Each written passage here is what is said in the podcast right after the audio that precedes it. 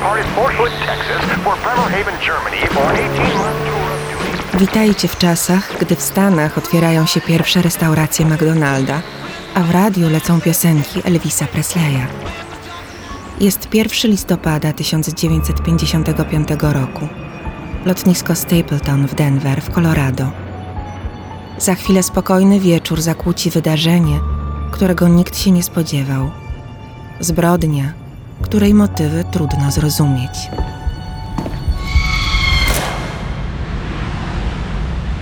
O godzinie 18.11 wylądował mainliner Denver, samolot United Airlines. Miał 11 minut opóźnienia. Maszynę zatankowano i sprawdzono. Wymieniła się także załoga, która przyleciała tu z lotniska LaGuardia w Nowym Jorku z przystankiem po drodze w Chicago. Na pokład Douglasa DC-6B weszła nowa ekipa, na czele której stał 38-letni kapitan Lee Hall. Doświadczony pilot był weteranem z czasów II wojny światowej. Od 1941 roku wylatał ponad 10 tysięcy godzin. Hall miał czworo podwładnych: 26-letniego pierwszego oficera, 38-letniego mechanika pokładowego i dwie młode stewardesy, 22 i 26-latka. Do samolotu weszło 39 pasażerów, sami dorośli, oprócz jednego 18-miesięcznego dziecka, które podróżowało ze swoją mamą. Kobieta leciała odwiedzić męża służącego na południowym Pacyfiku. Wszyscy rozsiedli się bez problemów, jedni zaczęli czytać magazyny, inni rozmawiali. Ktoś przypalał papierosa. W tamtych czasach palenie podczas lotu było dozwolone. Podróżująca samotnie 53-letnia Daisy Eldora King myślała o synu, którego wybryki bardzo ją martwiły. Lot do Portland w Oregonie miał potrwać około trzech godzin. Przed nimi do pokonania w powietrzu było 1570 kilometrów. Z Portland mieli lecieć dalej do Seattle w stanie Waszyngton. Rejs numer 629 rozpoczął się o godzinie 18.52. Samolot bez problemów wzbił się w powietrze i obrał kurs. 11 minut później kontrolerzy z wieży lotniska Stapleton zobaczyli dwa rozbłyski na niebie, opadające powoli na ziemię, widoczne przez 30 do 45 sekund. Wybuch, który nastąpił tuż po tym, oznaczał tylko jedno. Płonący wrak samolotu spadł na pola buraków cukrowych w pobliżu Longmont. Kontrolerzy skontaktowali się z załogami każdego z samolotów w pobliżu. Wszyscy piloci odpowiedzieli. Tylko Lee Hall milczał. Rozdzwoniły się telefony od farmerów z okolicy. Widzieli spadające fragmenty samolotu. Zginęli wszyscy na pokładzie mainliner Denver. Ich szczątki znajdowano w promieniu trzech kilometrów od katastrofy. 2 listopada na miejsce dotarli z Waszyngtonu specjaliści od zbierania odcisków palców. FBI zaoferowało pomoc lokalnym władzom w identyfikacji ofiar. Szczątki zabrano do Greeley w Colorado i umieszczono w tymczasowej kostnicy w zbrojowni Gwardii Narodowej. W czasie, gdy jedna ekipa zajmowała się identyfikacją, druga przez pięć dni zbierała fragmenty samolotu. Tragedia wydarzyła się w czasach, gdy czarne skrzynki nie były jeszcze obowiązkowo montowane w samolotach. Wprowadzono tę zasadę dopiero pięć lat później i to najpierw w Australii. Początkowo podejrzewano uszkodzenie urządzeń maszyny. Spece z Douglas Aircraft Corporation i United Airlines nie znaleźli jednak żadnej przyczyny natury technicznej. Przesłuchano 200 świadków, którzy z ziemi obserwowali eksplozję. Wybuch miał ogromną siłę. Z samolotu spadły na ziemię ogniste serpentyny. Flara, będąca standardowym wyposażeniem, wypadła, zapaliła się i powoli dotknęła ziemi. Potem nastąpiła druga eksplozja jednego lub więcej zbiorników paliwa, gdy silniki i przód samolotu uderzyły w ziemię. W magazynie na terenie lotniska Stapleton zebrano wszystkie części samolotu, które udało się znaleźć i złożono je niczym puzzle, łącząc drewnianą konstrukcją i obwiązując drutem. Eksperci określili, że przyczyny należy szukać w tylnej części samolotu, bliżej ogona. Silny zapach materiałów wybuchowych dochodził z bagażowego luku numer 4. Tam też elementy konstrukcji i bagaże pokryte były śladami dynamitu. Znaleziono ponadto części, jak się okazało, baterii i okablowania bomby, które stanowczo nie należały do wyposażenia samolotu. Luk numer 4 został wypełniony walizkami, pocztą i przesyłkami w Denver. 7 listopada podano do oficjalnej wiadomości, że do eksplozji doszło w wyniku sabotażu. Zbadano okoliczności lotu wszystkich 44 osób na pokładzie oraz tych, które zrobiły rezerwację i odwołały ją w ostatniej chwili.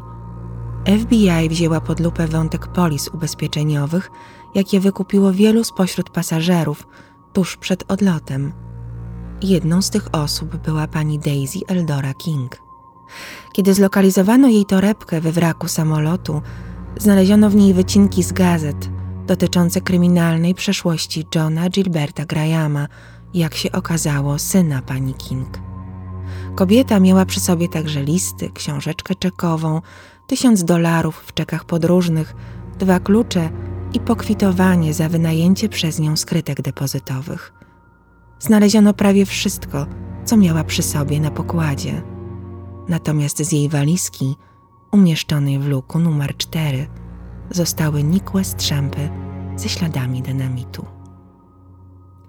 Dalsze śledztwo ujawniło, że wspomniany Graham był jedynym beneficjentem polisy ubezpieczeniowej na kwotę 37,5 tysiąca dolarów oraz testamentu matki. Dwie inne polisy, które udostępnił ubezpieczyciel pani King, opiewały na 6250 dolarów każda, a ich beneficjentkami były jej córka oraz jej jedyna siostra.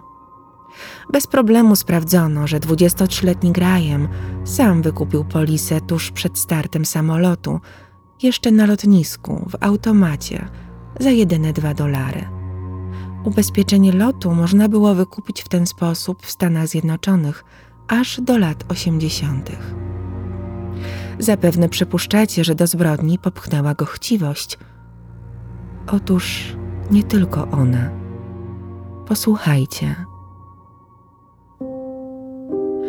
John Gilbert, na którego wołano Jack, urodził się 23 stycznia 1932 roku w Denver w stanie Colorado.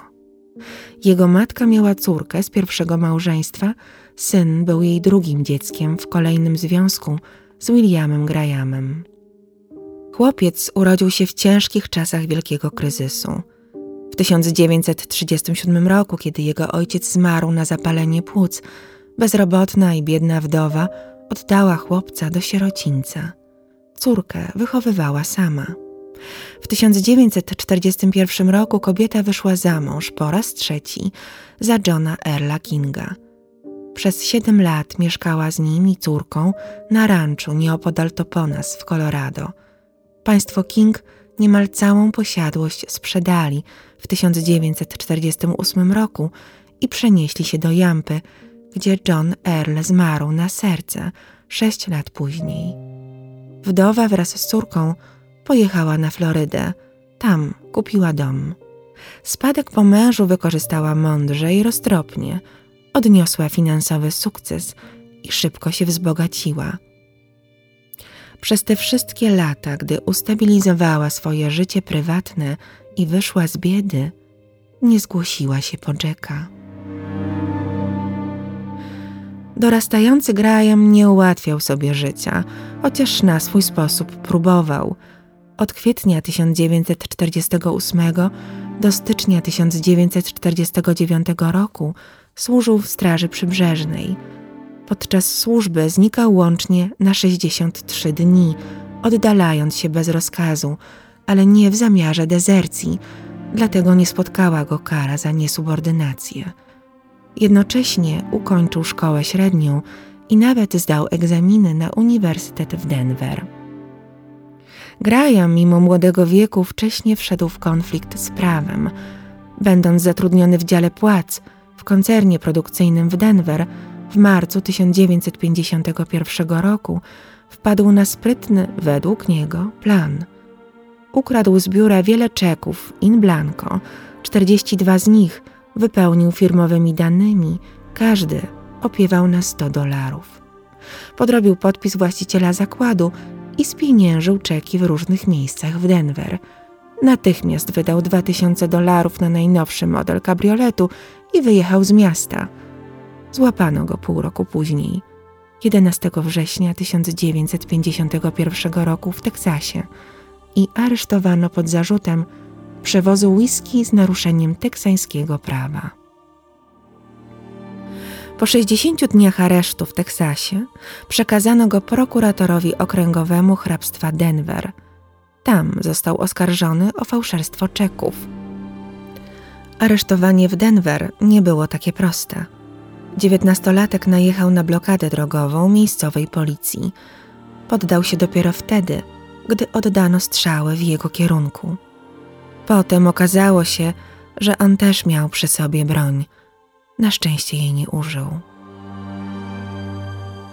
3 listopada 1951 roku skazano go za fałszerstwa, ale wykonanie wyroku zawieszono na 5 lat. Dlaczego? Zwrócił skradzione 2,5 tysiąca dolarów od razu. Należną resztę miał zwracać po 40 dolarów miesięcznie, co też czynił do listopada 1955 roku, zmniejszając zadłużenie do 105 dolarów. Mimo hulaszczego trybu życia, stawiał się na comiesięczne wizyty w związku z warunkami kary, miał też stałe zatrudnienie między styczniem 1953 a grudniem 1954 roku jako mechanik. Dopiero kiedy Graham miał 22 lata, w 1954 roku spotkał się z matką po raz pierwszy od 17 lat. Nie udało się zbudować dobrej relacji. Jack miał ogromny żal do matki. Nie wiemy, czy dlatego, że Daisy chciała nadrobić stracone lata, czy też syn naciskał.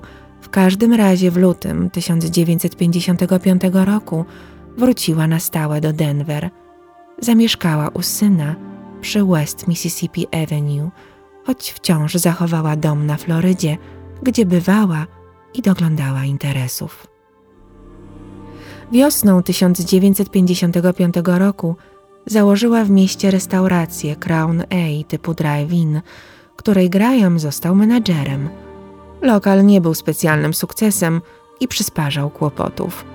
W maju jacyś wandale wytłukli okna restauracji, a we wrześniu, krótko przed tragedią, lokal pani King został zdewastowany w wyniku tajemniczej eksplozji. W godzinach porannych, przed otwarciem, ktoś majstrował przy instalacji gazowej i naruszył ją, doprowadzając do wybuchu. Z kasy zniknęły trzy dolary, a część wyposażenia została zniszczona. Straty wyceniono na 1200 dolarów. Graham nie powiedział matce, że nieco wcześniej ubezpieczył restaurację i sam odebrał odszkodowanie. Potem dziwnym trafem zostawił swojego nowego Chevroleta na torach kolejowych. W auto uderzył pociąg. Mężczyzna odebrał kolejną wypłatę z ubezpieczenia. 10 listopada, po pierwszym przesłuchaniu w sprawie tragicznego lotu numer 629, zwolniono go do domu. Agenci FBI, sprawdzając każdy szczegół jego zeznań, przekonali się, że było w nich wiele rozbieżności. Dotarli przede wszystkim do informacji o kipiącej wrogości między matką a synem. Jack początkowo twierdził, że nie wiedział, co było w walizce matki. Pakowała się sama i nie lubiła, gdy ktoś jej w tym pomagał. Natomiast był przekonany, że miała przy sobie broń i amunicję, potrzebną jej do polowania na Alasce. wybierała się tam do córki. 11 listopada została przesłuchana Gloria Graham, żona Jacka. Pobrali się w 1953 roku i od tamtej pory mieszkali razem. Mieli dwójkę dzieci w wieku 20 i 9 miesięcy. Teściowa pomieszkiwała z nimi, wyjeżdżając często w podróże biznesowe. Gloria pamiętała, jak wyglądał bagaż Daisy, ale nie wiedziała, co było w środku. Potwierdziła słowa męża, że pani King nie lubiła, by ktoś grzebał w jej rzeczach. Jednak dodała, że mąż dał jej świąteczny prezent, zanim wyszła na lotnisko. Młoda kobieta wierzyła, że w paczce był zestaw artystycznych narzędzi do muszli morskich. Wcześniej mąż opowiadał jej, że zamierza sprawić matce właśnie taki nietypowy prezent. Paczkę zaniósł do piwnicy, gdzie teściowa się pakowała.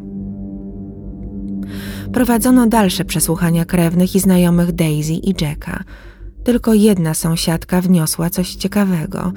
Potwierdziła zeznania Glorii, która chwaliła się, że mąż objechał całe Denver w poszukiwaniu specjalnego prezentu dla matki. Pamiętała, że po powrocie z lotniska Jack czuł się bardzo źle. Od chwili informacji o katastrofie nie jadł i nie spał. Chodził w tej i z powrotem po domu i na zewnątrz. 13 listopada, po informacji, że odnaleziono fragmenty bagażu, który najpewniej należał do Daisy, Państwo Graham oboje stawili się w lokalnym biurze FBI. Rozpoznali w szczątkach walizkę matki. Glorię puszczono do domu. Jacka poproszono o pozostanie w celu dodatkowych wyjaśnień. Graham wciąż zaprzeczał, że dał matce prezent. Ostatecznie nie udało mu się znaleźć zestawu, jakiego szukał i zrezygnował z upominku. Po odlocie poszedł z żoną i dziećmi do kawiarni na lotnisku. Jak tylko zaczęli jeść, rzeczywiście poczuł się źle i poszedł do łazienki. Uważał, że jego stan miał związek z emocjami po wyjeździe matki. Potem twierdził, że zaszkodziło mu kiepskie jedzenie. W tym momencie po raz pierwszy usłyszał, że jest podejrzany. Nie okazywał niepokoju Oferował się, że podejmie się badań poligrafem. Dobrowolnie wyraził zgodę na przeszukanie domu, samochodu i posesji. Agenci FBI znaleźli w kieszeni jego roboczego ubrania małą rolkę miedzianego drutu z żółtą izolacją, dokładnie takiego samego, jaki znaleziono w luku bagażowym. Polisa ubezpieczeniowa matki, na szczęście nie podpisana przez nią, była ukryta w sypialni.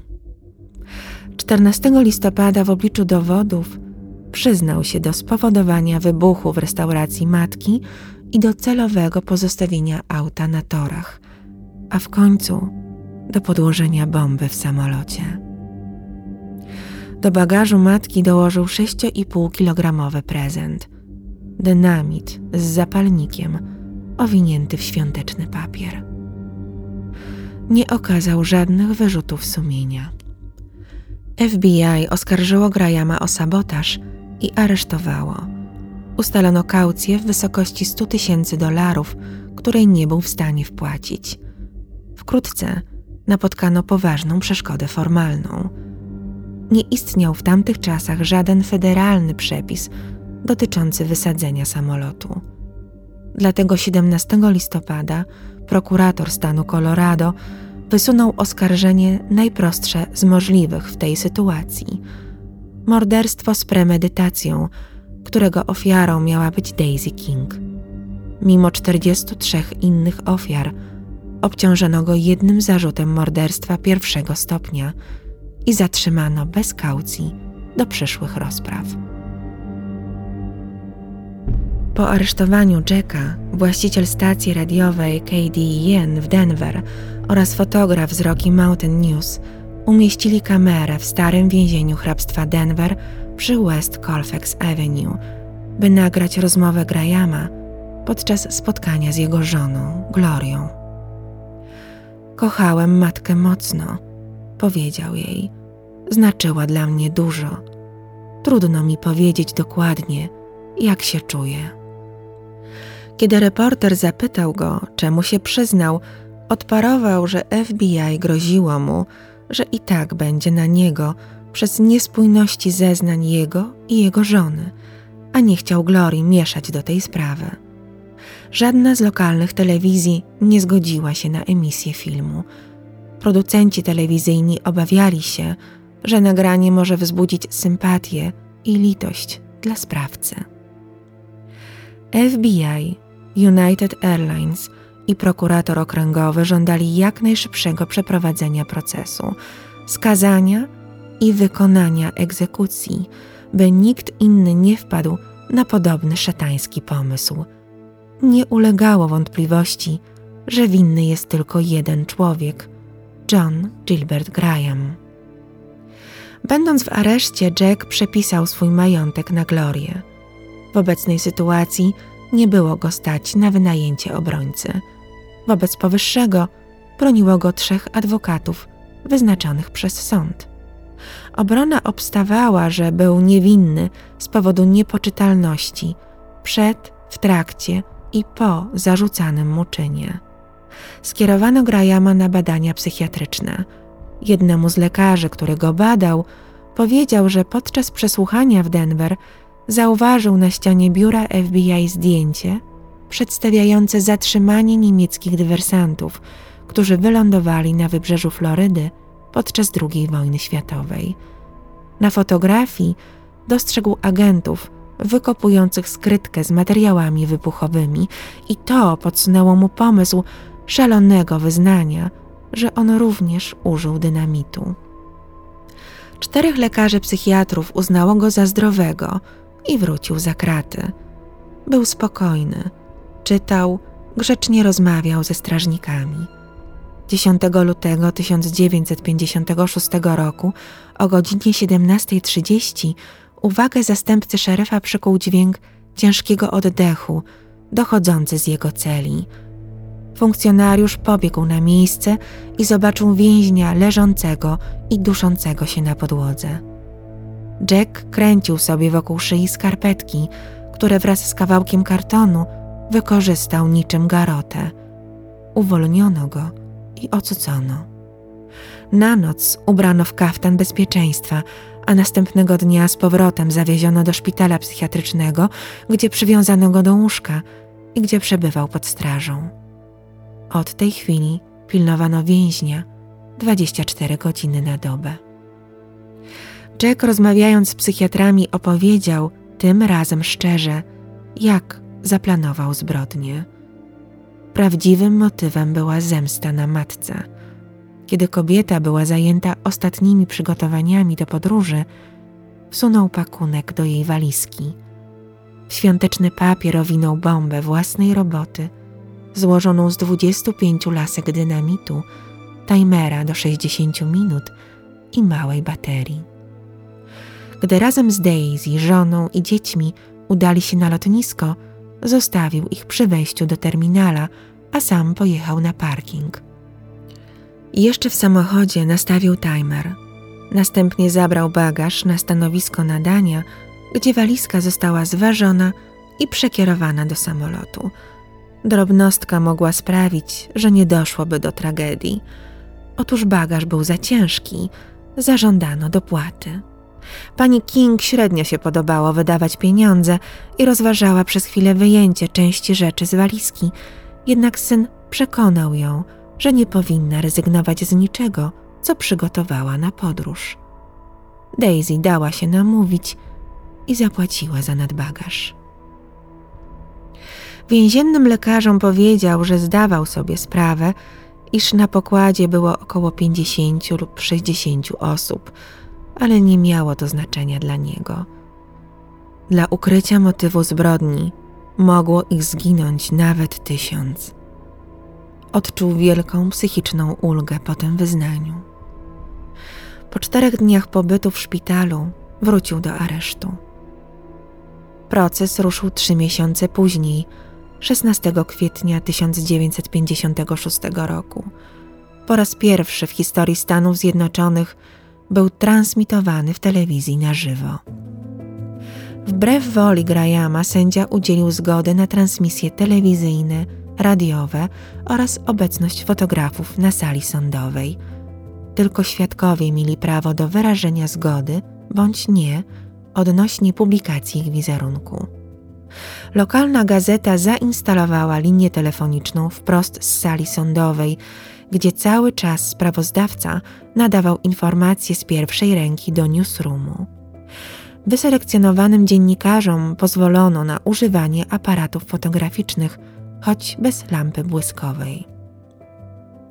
Przy ustalaniu składu ławy przysięgłych pobito rekord w Colorado, aktualny po dziś dzień. Przesłuchano 231 osób. Odrzucano wszystkich, którzy mieli jakieś opinie na temat zdarzenia i oskarżonego oraz tych, którzy byli przeciwni karze śmierci. Ostatecznie w skład ławy weszli dwie gospodynie domowe, dwie maszynistki, reżyser filmowy, inżynier, kierowca ciężarówki, sprzedawczyni, telefonistka, litograf, księgowa i sprzedawca.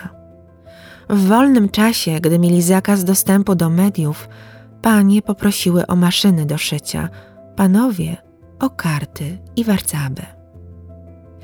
Tłumy chciały zobaczyć proces. Przed salą sądową i przed sądem kłębili się ludzie, licząc, że uda im się wcisnąć do środka. Przynosili swoje lunche i jedli na sali, bojąc się, słusznie zresztą, że jak wyjdą, ktoś ich podsiądzie. Proces był równie głośny jak wiele lat później sądowe show O.J. Simpsona. Strażnik trzymał miejsce każdego dnia tylko dla jednej osoby. Codziennie, punktualnie o dziewiątej rano, pojawiała się atrakcyjna kobieta. Była stewardesa, żona pilota Lee Hola. Miała miejsce z dobrym widokiem na oskarżonego. Graham zachowywał spokój i skupienie podczas procesu. Schudł mocno od chwili aresztowania, ale wciąż wyglądał zdrowo i przystojnie. Zawsze ubrany był w schludny garnitur. Nieco zgarbiony, żuł gumę i od czasu do czasu wymieniał uwagi ze swoimi obrońcami. Prokurator, otwierając proces, powiedział, że udowodni, iż Jack Graham zaplanował zamordowanie swojej matki, Daisy King, zimno, ostrożnie i celowo. Oskarżony odwołał swoje przyznanie się do winy, ale jego adwokaci nie byli w stanie wybronić go wobec dowodów przedstawionych przez oskarżenie. Właściciel zakładu elektrycznego zeznał, że Graham pojawił się u niego na początku października 1955 roku i zaoferował się do pracy za minimalną stawkę, żeby nabyć doświadczenia, jak to ujął. Popracował tydzień. W ostatni dzień pracy dopytywał o timery. Potrzebował takiego, który mógłby być użyty z baterią i wytrzymałby do dwóch godzin. Mężczyzna powiedział mu, gdzie może taki kupić. Sprzedawca potwierdził, że Graham kupił 60-minutowy timer we wskazanym sklepie. Przyrodnia siostra zeznała, że nigdy nie była w dobrych relacjach z bratem. Jego zachowanie uważała za niebezpieczne, niestosowne i nieodpowiedzialne. Z katastrofy samolotu, w którym zginęła jego matka, stroił sobie żarty. Czasem wydawało się jej, że mężczyzna nie jest zdrowy psychicznie. Raz nawet ją pobił, innym razem groził jej młotkiem. Uciekła przed nim, zamykając się w pokoju. Była też świadkiem, jak co najmniej raz uderzył żonę. Zeznawało w sumie 80 świadków. Przedstawiono 174 dowody. Obrona przedstawiła ledwie ośmiu świadków. 5 maja 1956 roku, po 69 minutach obrad, przysięgli uznali go winnym zamordowania matki. Sąd skazał go na śmierć. Miał zostać stracony w komorze gazowej stanu Colorado. Apelacja została odrzucona 15 maja. Graham zapewniał, że nie chciał już nowego procesu, nie chciał walczyć o życie. Pomysł był inicjatywą dwóch z trójki jego obrońców. Przewieziono go do stanowego więzienia w Canyon City, 200 km na południe od Denver. Zakład do dziś posiada maksymalne zabezpieczenia. Od 15 maja oczekiwał w celi śmierci. Egzekucję przesuwano. Najpierw ustalono ją na dzień 8 sierpnia, potem 26 sierpnia, w końcu na 11 stycznia 1957 roku. W dzień egzekucji świadkowie śmierci Grahama nie zmieścili się w sali obserwacyjnej. Było ich aż tylu. W większości przybyli bliscy jego ofiar, które straciły życie podczas tragicznego lotu numer 629. Przed egzekucją Jack powiedział reporterowi magazynu Time: Jeśli chodzi o wyrzuty sumienia wobec tych ludzi, nie mam. Nic na to nie poradzę. Ostatni posiłek skazańca jest niezwykle ważny i planowany miesiącami przez oczekujących na egzekucję. Graham nie miał żadnych życzeń. Naczelnik więzienia posłał mu do celi kolację, na którą składał się stek, pieczone ziemniaki, sałatka, owoce i lody. Jack zjadł tylko lody. Zabrano go z celi o godzinie 19.45. Graham został wprowadzony do sali, w której ustawiona była komora. Wyglądała jak kajuta wyjęta z okrętu podwodnego. Jej powierzchnia wynosiła około 2,5 metra kwadratowego. W środku stało jedno krzesło przyśrubowane do podłogi. Pod nim przymocowana była miska, do której wlewano w trakcie egzekucji rozcieńczony z wodą kwas siarkowy przez uszczelniony wąż. Półnagiego, bosego mężczyznę poprowadzono do środka komory. W Colorado prowadzono skazanych na śmierć tylko w shortach. W ten sposób ograniczano osadzanie się trujących substancji na ubraniu skazańca. Umieszczono Jacka na krześle i przypięto pasami na klatce piersiowej, kostkach, udach i ramionach. Pasy musiały być zapięte ciasno, by ograniczyć szarpanie się skazańca, gdy doświadczy bolesnych konwulsji. Następnie zamknięto uszczelnione drzwi z dużą klamką w kształcie zaworu, który zakręcano, by trujący gaz nie wydostał się do sali. Przez kuloodporne okno obecni mogli obserwować agonię skazanego. Na razie było zasłonięte. Śmierć w komorze gazowej nie jest bezbolesna. Graham wstrzymywał oddech, by nie wdychać zabójczego cyjanowodoru. Gdy technik egzekucji zwolnił zawór z kwasem, rozsunięto zasłonę okna. Następnie kat dźwignią uwolnił zabójcze kapsułki cyjanku sodu. Po połączeniu z kwasem powstał cyjanowodór, który unosił się z miski i wypełniał komorę. John Gilbert Graham w końcu jednak musiał odetchnąć. Krztusił się, machał głową na boki. Dwudziestoczterolatek przed śmiercią wydał z siebie wysoki, przeciągły krzyk. Zmarł dokładnie o godzinie 20.08. Graham zainspirował się zdarzeniem sprzed kilku lat. Albert G.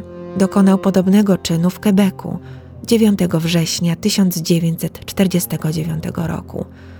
Zabił 23 osoby, czterech członków załogi i 19 pasażerów, w tym czworo dzieci. Na pokładzie samolotu Canadian Pacific Airlines wybuchła bomba własnej roboty z timerem. Tym sposobem Albert chciał pozbyć się żony bez rozwodu, odebrać pieniądze z jej ubezpieczenia na życie i zniknąć z dziewiętnastoletnią kochanką. W dniu lotu wykupił polisę na żonę. W dokonaniu zbrodni pomogły mu dwie osoby. Zegarmistrz, który sporządził bombę, i jego siostra, a zarazem kochanka Alberta, która kupiła materiały i zawiozła bombę na lotnisko. Nadała ją jako paczkę pocztą lotniczą. Odlot opóźnił się o pięć minut, Dlatego bomba wybuchła w momencie, gdy samolot był jeszcze nad ziemią, a nie nad rzeką, jak zaplanował sobie sprawca. Gdyby maszyna eksplodowała nad wodą, trudniej byłoby zebrać materiały do przeprowadzenia śledztwa. Dwa tygodnie później aresztowano Alberta. 12 stycznia 1951 roku stracono go przez powieszenie. Jego ostatnie słowa przed egzekucją brzmiały: Au moins, je meurs célèbre. Przynajmniej umieram sławny. Zegarmistrz został stracony półtora roku później. Na szaf odwieziono go na wózku inwalidzkim. 54-letni mężczyzna chorował na gruźlicę. Marguerite, kochanka Alberta, zeznawała przeciwko niemu. Twierdziła, że nie wiedziała, co jest w paczce. Dziesięć dni po eksplozji trafiła do szpitala odratowana po samobójczej próbie. Tam opowiedziała, jak Albert zmusił ją do współudziału w masowym morderstwie. Została stracona 9 stycznia 1953 roku jako trzynasta i ostatnia kobieta powieszona w Kanadzie. Dziś sądzi się, że rzeczywiście była niewinna. Zaskakujące, że Graham wziął przykład z nieudanego sabotażu. Owszem, ofiara zginęła, tak jak zaplanował sprawca, ale on również stracił życie. Widocznie górę wzięły emocje, które przyćmiły widmo konsekwencji jego czynu. Podobne przypadki sabotażu wydarzyły się niewiele później. W 1960 roku w wyniku wybuchu podłożonej bomby na pokładzie samolotu National Airlines zginęły 34 osoby. W 1962 roku w eksplozji samolotu Continental Airlines straciło życie 45 osób. Jako ciekawostkę dodam, że linie lotnicze United wciąż używają numeru lotu 629 na trasie Waszyngton-Chicago. Po przyznaniu się do winy Jacka, jego żona zmieniła nazwisko swoje i dzieci, rozwiodła się i ponownie wyszła za mąż. Zmarła jako rozwódka w 1992 roku. Losy dzieci Grahama nie są znane. Siostra Helen Hablocel spędziła życie na Alasce. Zmarła w 2004 roku. John Gilbert Graham został skremowany, a jego szczątki pochowano w nieoznaczonym grobie na terenie cmentarza Fairmont w Denver, niedaleko od miejsca pochówku jego matki. Komorę gazową używaną w Stanach do egzekucji od 1924 roku wykorzystano po raz ostatni do uśmiercenia skazańca w 1999 roku. Choć w kilku stanach więźniowie wciąż mogą wybrać między komorą a śmiertelnym zastrzykiem. W 2020 roku zniesiono karę śmierci w Colorado za wszystkie przestępstwa popełnione po lipcu 2020 roku. Mam nadzieję, że nie słuchacie mnie teraz na pokładzie samolotu i nie obudziłam was lęku przed podobną sytuacją. Na szczęście dziś dokładniej sprawdza się bagaże pasażerów i ryzyko sabotażu jest o wiele, wiele mniejsze, ale czy stuprocentowe? Zostawiam was z myślą, że samoloty wysadzają nie tylko terroryści. Druga rzecz, na którą dziś zwracam Waszą uwagę, to sprawa kary śmierci. Nie tylko jej zasadności, lecz również sposobu, w jaki w imię prawa można odbierać komuś życie.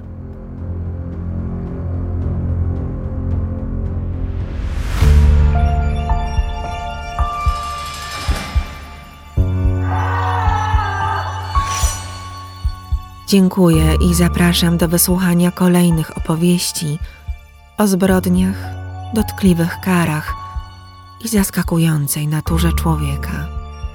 Renata z worka kości.